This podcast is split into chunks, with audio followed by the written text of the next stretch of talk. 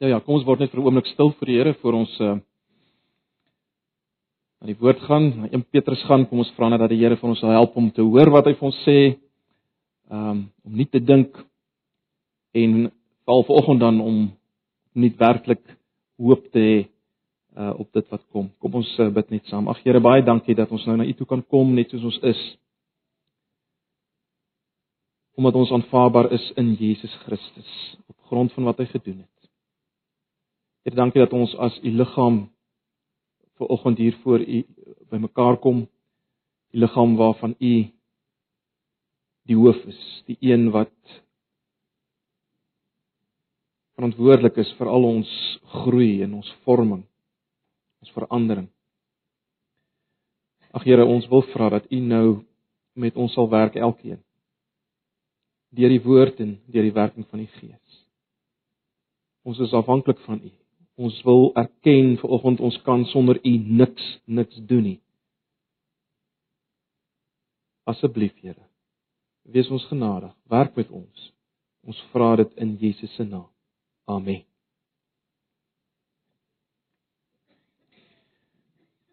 Goed, julle sal weet ons is besig met die boek 1 Petrus, uh, nie net hier nie, maar ook in ons uh, selgroepe en die vroue Bybelstudie groep.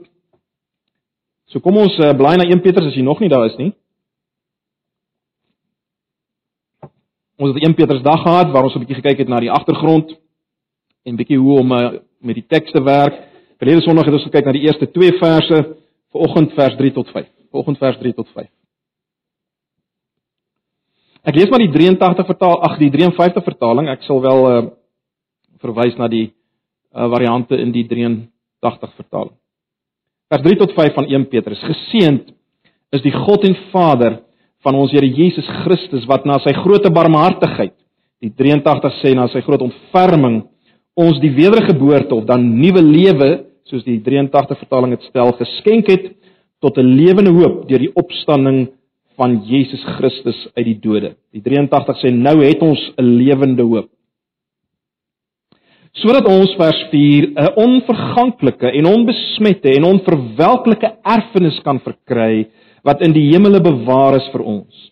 Wat in die krag van God bewaar word deur die geloof tot die saligheid wat gereed is om geopenbaar te word in die laaste tyd. Ons lees net so ver. Ek het op 'n stadium uh, gelees van 'n dorpie met die naam uh, Flagstaff, ek weet nie of ek dit heeltemal reg uitspreek nie. 'n uh, Dorpie wat uh, aan die oewer van 'n rivier geleë was, 'n uh, baie bekende toeriste uh, aanloklikheid was, um, baie toeriste die plekkie besoek. Op 'n stadium uh het die nuus die dorpie bereik dat daar 'n dam gebou gaan word hoër op uh in die riviertjie wat verby die dorpie loop. Uh en dat dit gaan veroorsaak dat die hele dorp oorstroom gaan word binne 'n jaar. Natuurlik kon die mense nog vir 'n tyd lank daar woon. Maar die verandering wat plaasgevind het was geweldig.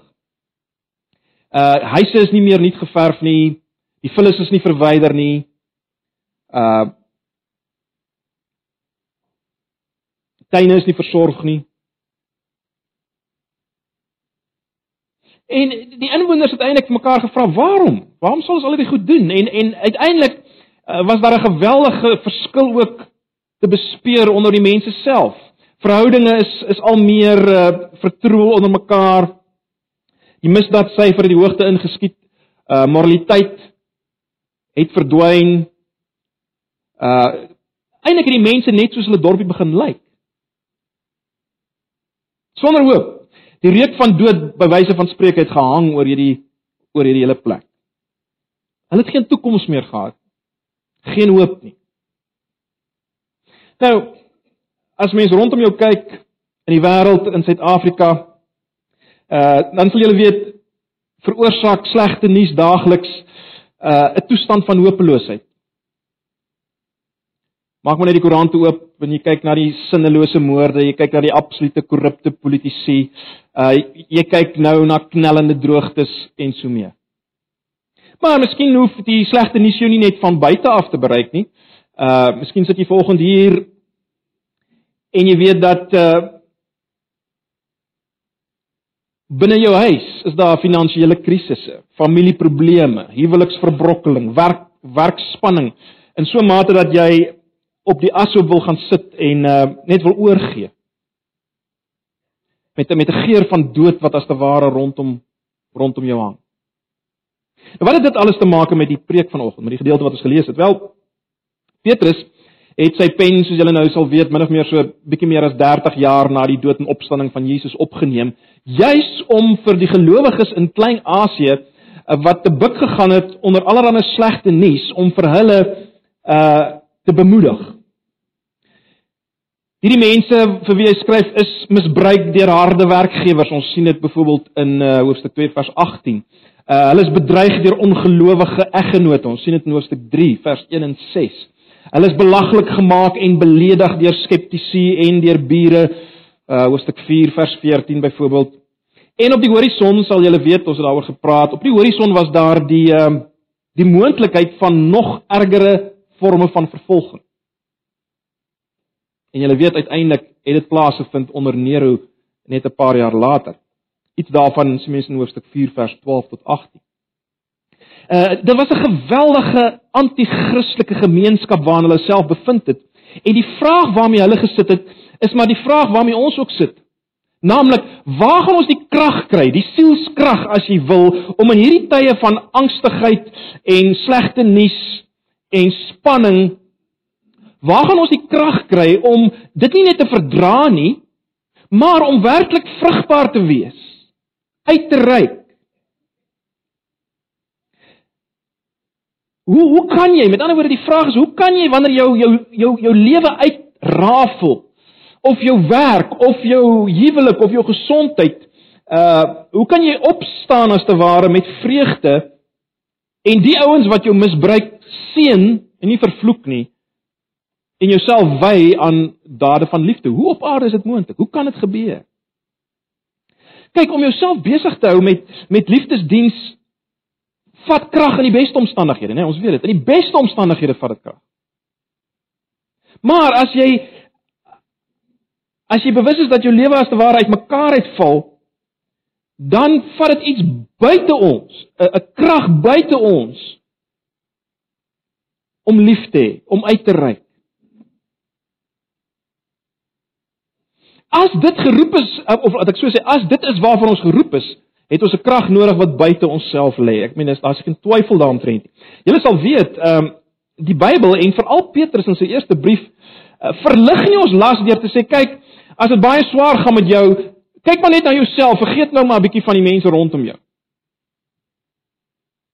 Ons las word nie so verlig nie. Inteendeel, uh as mens kyk na na 1 Petrus dan dan uh dan suggereer hy dat hoe tyer die tye is,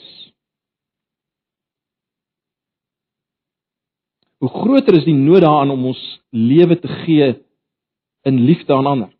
Daar's baie baie gedeeltes wat daarna verwys, ek gaan dit nie nou aanhaal. In 'n ander woorde, Petrus sê nie vir ons kyk, in moeilike tye hoef jy nie soos Jesus te leef. Dis nie wat hy sê. Hy verlaag nie die standaard nie. Nee, hy hy skryf vir sy lesers iets om uh om hulle krag te gee om lief te hê soos Jesus terwyl hulle as vreemdelinge in hierdie wêreld lewe. So dis wat ons kry in hierdie gedeelte. So kom ons kyk daarna. Nou, julle sal sien Petrus begin nie net met 'n klomp voorskrifte nie. Hy begin in vers 3 met 'n uh, sogenaamde doxologie, 'n 'n lofgebed as jy wil. Uh die die vorm van hierdie lofgebed uh was maar die vorm wat die wat die wat die Jode gebruik het. Dis dis 'n Joodse vorm. Maar Petrus as Christen voeg natuurlik iets by. Hy het uh die gewone Joodse vorm met iets gelyk soos uh geseënd is U o God wat die dooies opwek. Petrus voeg by geseënd is die God en Vader van ons Here Jesus Christus. Jy sien hy praat nie van 'n veraf onbekende God nie. Hy praat van die God wat ons leer ken in Jesus Christus. Die een tot wie ons vrye toegang het deur Jesus Christus. Dis die God waarvan Petrus hier praat. En let op alles wat hy gaan sê oor Ekskuus. Die hoop wat ons gekry het, uh alles wat hy gaan sê daaroor kom na ons toe as gevolg van God se groot barmhartigheid. sien julle dit in vers 3? As gevolg van groot God se groot barmhartigheid of sy ontferming. As jy wil weer eens uit genade uit. Want onthou nou die ouens wie hy skryf is is is ouens wat sosiaal gesproke uitgeworpe was en uh hulle agtergrond het nie baie goed gelyk nie. Hulle was niks en niemand nie en tog het God homself oor hulle ontferm. So dis hoe Paulus begin. Nou die krag waarmee Petrus hierdie gelowiges wil toerus is die krag van hoop. Die krag van hoop wat kom juis van hierdie barmhartige God. Dis hy wat hierdie krag gee van hoop, die een aan al wie al die lof toekom.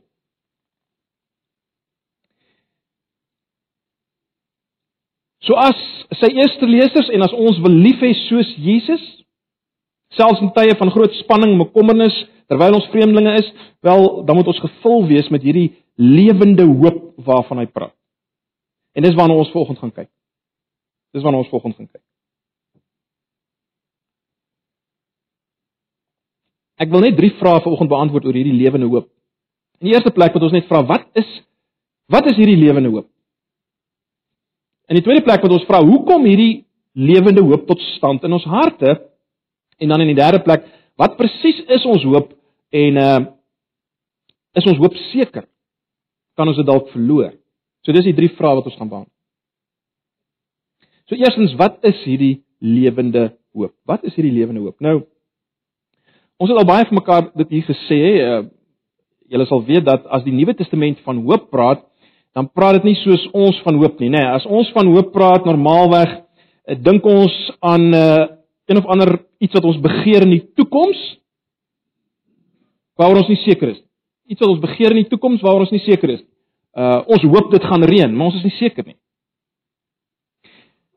Dis nie die manier hoe Petrus in die Nuwe Testament oor hoop praat nie, né? As ons kyk na die Nuwe Testament, dan is hoop daai volle sekerheid of daai sterk vertroue dat God wel vir ons goed gaan wees in die toekoms. Dis Nuwe Testamentiese hoop. Of om dit anders te stel, uh dit was nie so seer 'n geval gewees dat gelowiges 'n lewe vol hoop geleef het nie.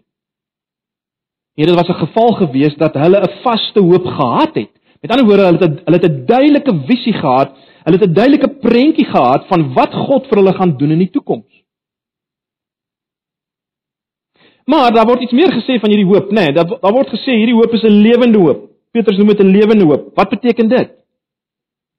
Wel, die teenoorgestelde van 'n lewende hoop sal natuurlik 'n dooie hoop wees. Teenoorgestelde van 'n lewende hoop sal 'n dooie hoop wees.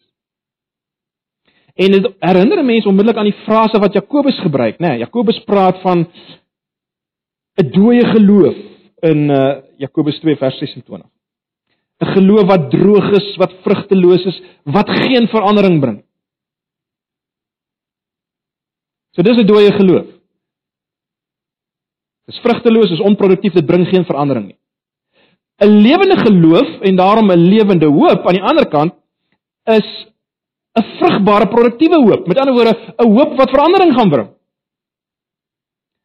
'n Lewende hoop is met ander woorde 'n hoop wat die krag het om verandering te bring. Uh, terloops, dis ook wat die woord lewend beteken in Hebreërs 4 vers 12 waar, waar ons lees dat die woord van God is lewend en kragtig en dring deur tot alle skeidinge. So dis die hoop. So ons het nou die vraag beantwoord, wat is hierdie hoop? Dis hierdie vaste sekerheid van dit wat God vir ons gaan doen wat 'n verandering bring. Hy's dis lewend. Dit bring 'n verandering in ons lewens. So dis die lewende hoop. Hoekom hierdie hoop in ons harte tot stand? Wel, die die een deel van hierdie antwoord word in vers 3 gegee en die ander deel kom in vers 23 tot 25 na vore. Kyk net na vers 3. In vers 3 sê Petrus, ek lees nou maar weer die uh, die 53 vertaling. Geseënd is die God en Vader van ons Here Jesus Christus wat na sy groote barmhartigheid ons die wedergeboorte geskenk het tot 'n lewende hoop deur die opstanding van Jesus Christus uit die dode. Die 83 vertaling sê hy het ons die nuwe lewe geskenk deur die opstanding van Jesus Christus uit die dood. So, hoekom hierdie hierdie uh hoop in ons harte tot stand? Wel die hoop ontstaan volgens vers 3 uit ons wedergeboorte. Dis daai nuwe lewe wat ons geskenk is en hierdie geboorte, hierdie wedergeboorte of hierdie nuwe lewe sê Petrus kom in 'n sin op een of ander manier kom dit deur Jesus se opstanding. Nee. sien julle dit? Vers 3. Maar nou weet ons daar's 'n geweldige groot gaping tussen die opstanding van Jesus en my wedergeboorte meer as 2000 jaar later. Nou vers 23 help ons 'n bietjie om die die gaping te vul.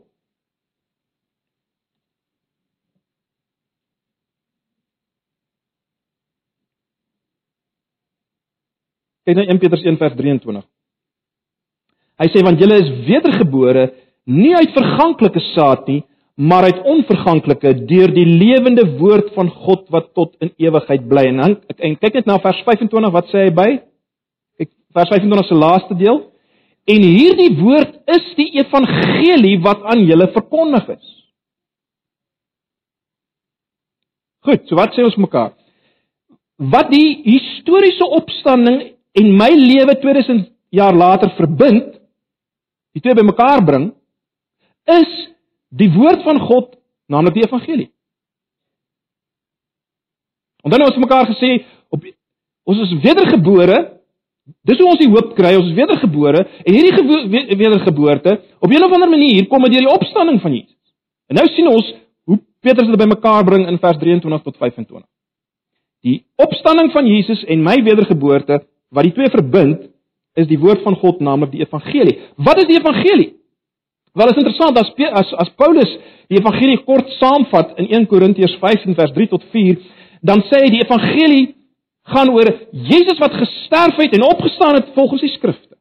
Jesus wat gesterf het en opgestaan het volgens die skrifte. Dis die goeie nuus. Dis al daai dinge wat buite my gebeur het wat God gedoen het in Jesus. So, in vers 3 word ons wedergebore deur die opstanding van Jesus.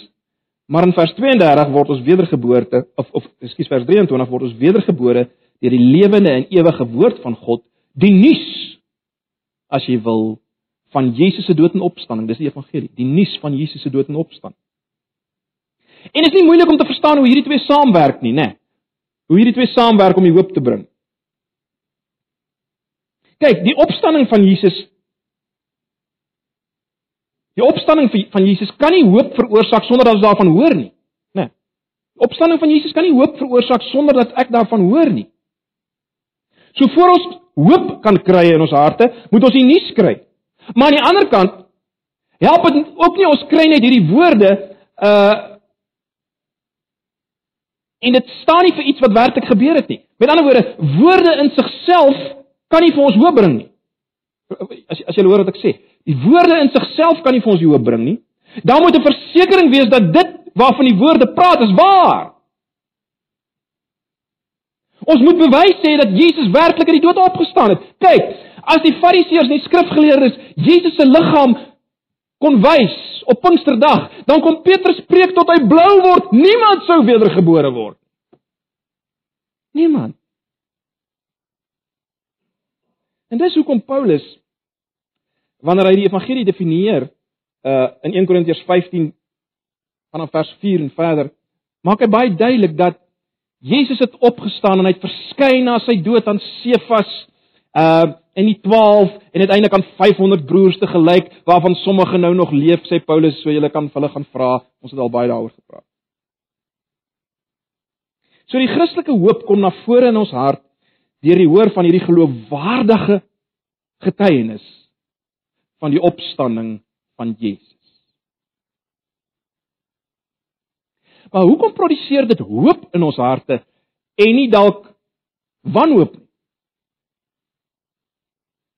Hoekom produseer dit juist hoop in ons harte? Want broers en susters, as Jesus opgewek is uit die dood en hy is verhoog aan die regterhand van die Vader en hy kom uiteindelik weer om te oordeel. As hy opgewek is, so opgewek is, dan het ek rede om te glo dat alles wat hy gesê het oor sy dood waar is. En wat het hy gesê oor sy dood? Hy het oor sy dood gesê dat dit is vir sondaars soos ek en jy. Hy het gesê hy het gekom om sy lewe as 'n losprys te gee vir mense soos ek en jy. Hy het nie gekom vir die gesondes nie, maar vir die siekes. Petrus vat dit alles baie mooi saam in in hoofstuk 3 vers 18 as hy dit as hy dit so stel. Christus het ook eenmaal vir die sondes gelei, hy die regverdige vir die onregverdiges. Daar's ek en jy. Daar's ek en jy. Die onregverdig. Om ons tot God te bring, hy wat wel gedood is na die vlees, maar lewend gemaak is deur die Gees. Jy sien, as Jesus werklik opgestaan het, dan kan ek weet hy het dit vir my gedoen. En dan kan ek weet hy's vanoggend hier. Op 11 Februarie 2018 is hy hier in Ediplex saal en hy's vir my en nie teen my nie. Dan kan ek weet my sondes is vergewe, is uitgedelg. Ek het saam met hom gesterf, Romeine 6, en 'n nuwe mens het opgestaan. En as God vir my is, wie kan teen my wees? Al die omstandighede, al die slegte nuus. Dit kan niks aan my doen nie. Wie kan teen my wees? Want God is vir my. Romeine 8. Jy sien? Hoop. Dan ek hoop. sien julle hoe die 2000 jare oue opstanding my hart bereik en hoop verwek? Dis hoe dit gebeur. Dis hoe dit gebeur. Dis hoe dit gebeur.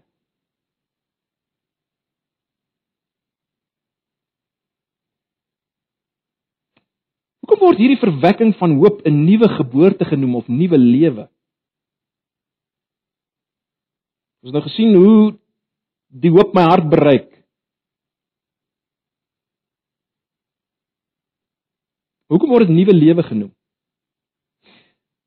Wel vra jouself 'n bietjie die vraag af, weet jy of jy self jou alself die vraag afgevra het, wat maak my my?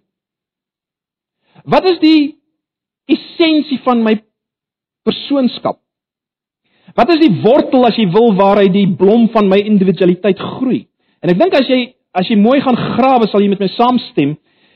Dis nie soseer die dinge wat jy doen en dink nie, dis die dinge wat jy begeer wat jou jou jou maak. In die mees basiese sin is is ons dit waarna ons hinker. Al die ander goed word as te ware bygevoeg om hierdie begeerte te regverdig. So jou individualiteit word bepaal deur dit waarna jy hinker, dit wat jy begeer. Nou as dit so is, as dit so is, as jy as te ware is wat jy begeer, dan beteken dit tog logies gesproke dat 'n radikale 'n radikale verandering in jou begeertes. Dink mooi. 'n Radikale verandering in in jou begeertes sal dan beteken 'n radikale verandering in jou persoon, nie waar nie? As jou persoon is dit wat jy begeer, dan gaan 'n verandering in jou begeertes beteken 'n verandering in jou persoon, 'n radikale verandering. En broers en susters, dis waarvan Jesus en Johannes en Petrus praat, hulle praat van die wedergeboorte of die nuwe lewe. Dis wat hulle dit noem. Dis die term waarvoor wat hulle daarvoor gebruik. Is nie die rede waarom Petrus sê ons is wedergebore, die letterlike vertaling tot 'n lewende hoop, is dit Wanneer ons ophou om, om ons hoop of dan ons begeertes en ons verlanging verlangens te vestig op dit wat in die wêreld is. As ons ophou daarmee en ons begin ons hoop en begeertes vestig op God, daardie oomblik is 'n nuwe persoon gebore. En ons het nou gesien hoe hoe gebeur dit? Hoe bereik dit ons? Hoe gebeur dit met ons as gevolg van die geloofwaardige boodskap van die opstanding? Dis wanneer dit gebeur. En dit bring ons by ons laaste vraag. Waarop presies hoop ons en kan ons dit verloor? Is is dit seker hierdie hoop? Waarop waarop presies hoop ons? Wel, ons hoop op 'n erfenis. Julle sal onthou in Romeine 8 vers 17 het ons al ges, uh, of die hele Romeine 8 het ons al baie gepraat oor hierdie erfenis, die feit dat ons mede-erfgename saam met Christus is. Ons erf saam met Jesus. Wat presies hierdie erflating gaan inhou wel, dit gaan ons verstand te bowe natuurlik.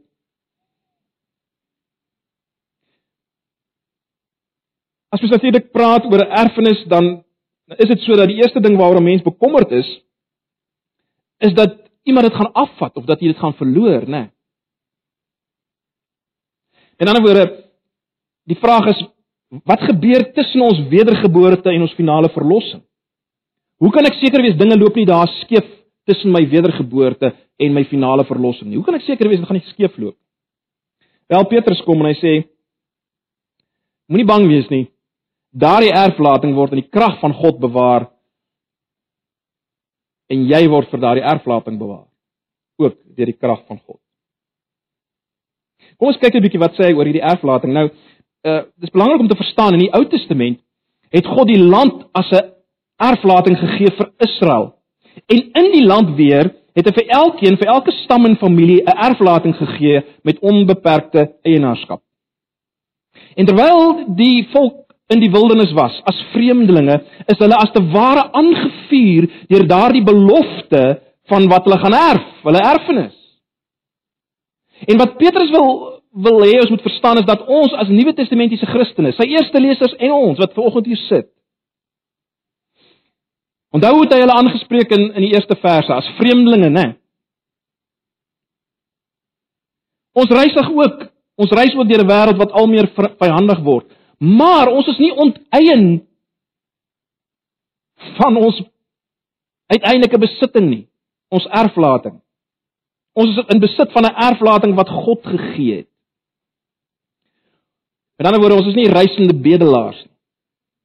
Ons is nie reisende bedelaars. Ons het hierdie erflating wat God gegee het. En en dit maak baie duidelik, ons hoop is seker want niks kan gebeur met hierdie erfenis. Hy sê in die eerste plek, hierdie erfenis kan nooit vergaan nie.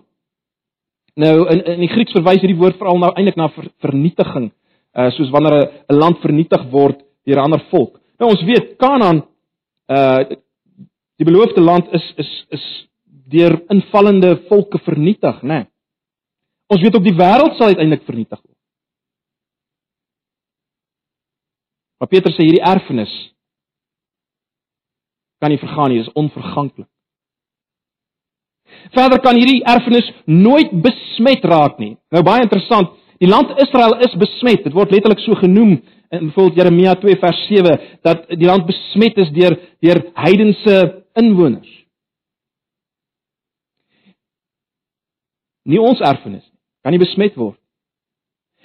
Ons erfenis sal ook nie verwelk nie. Kyk, Kanaan is is is nie net vernietig deur invallers nie en is nie net besmet deur inwoners nie. Dit het ook verwelk, letterlik verwelk deur droogtes wat gekom het onder God se oordeel. Gaan kyk maar na Jeremia 23 en Joël 1 vers 12 en so aan. Jy sien dis wat Petrus doen, hy kontrasteer Israel as die erf of of laat ek so sê, hy kontrasteer die land Kanaan as die erfenis van Israel met ons erfenis.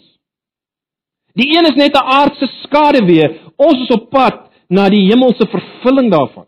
Dis die kontras wat hy skep. Ons is op pad na die vervulling. Kanaan was net die skaduwee. Ons erflating is in die hemel. Niks kan dit vernietig.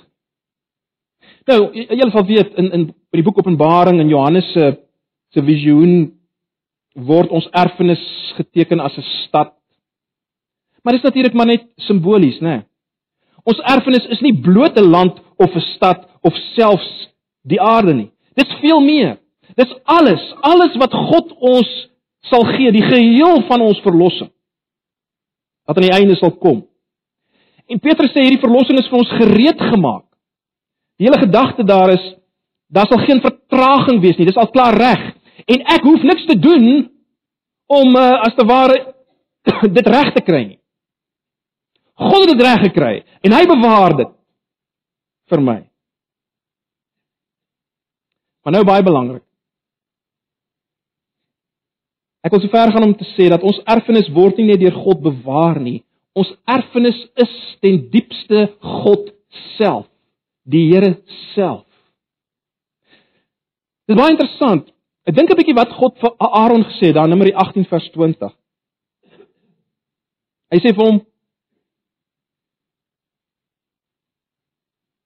Ek is jou deel en jou erfenis onder die kinders van Israel. Dit was julle gedagte geweest dat die Lewiete het nie 'n ander deel ontvang nie. Die Here self is hulle deel. En dit was waarskynlik al reeds 'n afskaduwing van wat waar is van, van ons. In Psalm 16 vers 5 sê die psalmdigter: "Die Here is die deel van my erfenis." Julle sal weet Jesus in Johannes 17 in die hoëpriesterlike uh, priesterlike gebed, as hy bid dan dan spreek hy die begeerte uit dat sy mens uiteindelik by hom sal wees om sy heerlikheid te aanskou. Dis die dis die eindpunt. Dat hulle by hom sal wees om sy heerlikheid te aanskou. Broers en susters, as jy vanoggend so bietjie teleurgestel dalk is dat God self ons erfdeel gaan wees, wel dan het jy geen begrip van wie God is nie. Sê dit weer, as jy as jy bietjie dink, ja, ek het nou eintlik meer gedink aan 'n pragtige mooi land. Mooi natuurskoon. Eerder as God wat die erfenis moet wees. As jy iets van in daai lyn gedink het, het jy geen begrip van God nie. Hoekom sê ek so? Ag, broers en susters, God is die inhoud van alles wat absoluut heerlik, absoluut genotvol en absoluut vervullend is. Onthou net 'n bietjie, die wonderlikste natuurskoonheid, die pragtigste skoonheid kom voort uit Hom. Moet nooit vergeet nie. Maar maar meer as dit, dan was jy al dan was jy al in die teenwoordigheid van 'n baie besonderse mens. Dit gebeur soms nou in se lewe. Jy kom in jy kom in, in kontak met iemand wat geweldig besonder is. Uh jy is net oorweldig dat hierdie persoon se se insig en se persoonlikheid en en die die die die die geweldige ontferming wat hy uitstraal en die liefde wat hy uitstraal. En stel jou nou nog voor dat jy verlief sou wees op hierdie persoon. Jy wil by niks anders wees en niks anders hê nie as hierdie persoon nie. Ag, broers en susters, vermenigvuldig dit met ontelbaarheid en dan is jy nog nie eers by dit wat God is en sal wees vir ons tot in alle ewigheid nie. En wat dit sal wees om by God te wees tot in alle ewigheid. Ons weet nie wie's God nie. Hy is ons erfenis. In diepste is hy ons erfenis. En daarom kan dit nie vergaan nie. Petrus gaan verder en sê ons erfenis word nie net vir ons bewaar nie, ons word vir ons erfenis bewaar.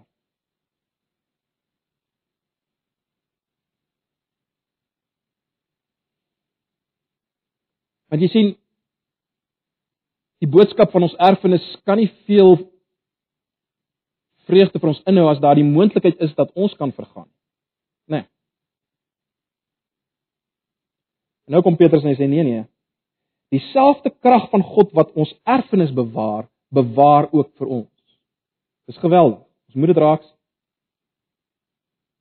Hy sê dieselfde krag wat ons erfenis bewaar, bewaar ook vir ons. Dit is baie interessant. Hier hier is eintlik 'n militêre term wat gebruik word. Dit is amper asof God ons gearresteer het by wyse van spreek en hy bewaar ons veilig vir daardie dag. Niks kan maak dat ons dit nie gaan bereik nie. Bedink dit vir 'n oomblik, dit word in die krag van God bewaar. Watter tipe krag is dit? Ag broers en susters, dis uit die aard van die saak krag wat sterker is as enige krag wat ons ken. Atoomkrag, hidroliese krag, kernkrag maak nie saak waarna jy dink nie. Dis meer as dit. Dis die krag wat Jesus uit die dood uit opgewek het. Dis die krag wat ons bewaar.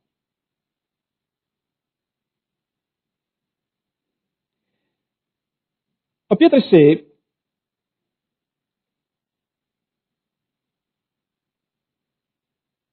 dat dit dat ons deur die geloof, hy bring die geloof dan, sien julle dit? Wat in die krag van God bewaar word deur die geloof tot hierdie laaste saligheid. Jy sien, geloof is die middel waardeur ons verbind word aan alles wat ons nou gesê het. Geloof is die instrument. Geloof is die tou as jy wil. uh waarmee ons aan al hierdie dinge verbind word. Jy sien, om dit so te stel, God hou ons nie in 'n hok teen ons wil nie. Ons word ingeskakel en die manier waar ons waar, waar ons ingeskakel word by dit wat hy vir ons gaan gee is deur geloof. Geloof wat daardie leë hande is wat vashou aan hom alleen en, en hom op sy woord neem. Dis nie weer 'n goeie werk nie.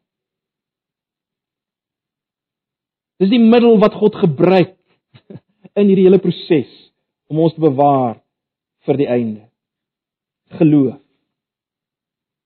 Ag, mens kan nog baie daaroor praat, maar broers en susters, ek ek wil klaarmaak. Vat dit vanoggend dat toe Jesus opgestaan het, moet net bietjie uit 'n ander hoek te stel. Toe Jesus opgestaan het, het God se nuwe era reeds in beginsel aangebreek. As ons dit kan verduidelik eh, aan die hand van seisoene, uh die opstanding verseker ons dat die somer gaan kom. En ek en jy is as te ware uh die bloeisels van God se se komende somer. Ons leef as te ware in die lente. Ons is tekens van dit wat gaan kom. Dis waarvoor ons bedoel is. En ons is bedoel om 'n 'n lieflike geur te versprei, soos 2 Korintiërs 2 vers 16 dit stel. Want jy sien, daar is in 'n sin lente in die lug. Daar's nie meer 'n doodsgeur van ondergang nie.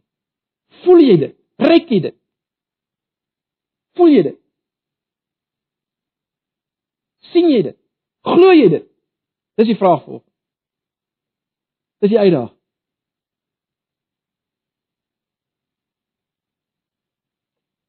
Ag broers en susters. As ons terug as as mens terugdink aan uh aan die beeld waarmee ek begin het. Stel jou vir 'n oomblik voor die dorpie waarvan ek aan die begin gepraat het. Kry die nuus dat die dam gaan nie meer gebou word in die rivier nie. Maar jy waarheid te sê, al die geld wat daarvoor gebruik gaan wo sou word, gaan nou gebruik word om hierdie dorpie beter te verfraai uh as toeriste aantreklikheid. Stel jou voor die verandering wat sou plaasvind op alle vlakke. Hoekom? Want hulle het hoop gehad. Hulle sou weer hoop gehad. Die punt vanoggend is dit broers en susters, ons moet dit vat. Ons het hoop. Ons het hoop. Te midde van al hierdie hopeloosheid rondom ons. Ag, mag die Here ons genade gee deur die werking van sy Gees om dit te vat en te sien en in die lig daarvan te leef en 'n lieflike geur te versprei. Te midde van al die verlammende nuus en omstandighede rondom ons. Ag, mag die Here ons genade gee. Amen. Kom ons sit net so dan bid ons saam.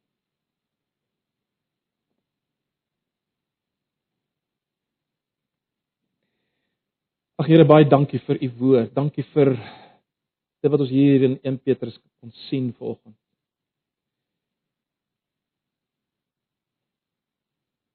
Dankie vir die hoop, die vaste sekerheid. Die vaste, vaste sekerheid van dit wat kom vir ons. Wat in diepste u self is. Ag Here, ons eer u daarvoor en ons bely, ek bely my sonde van ongeloof in dit alles.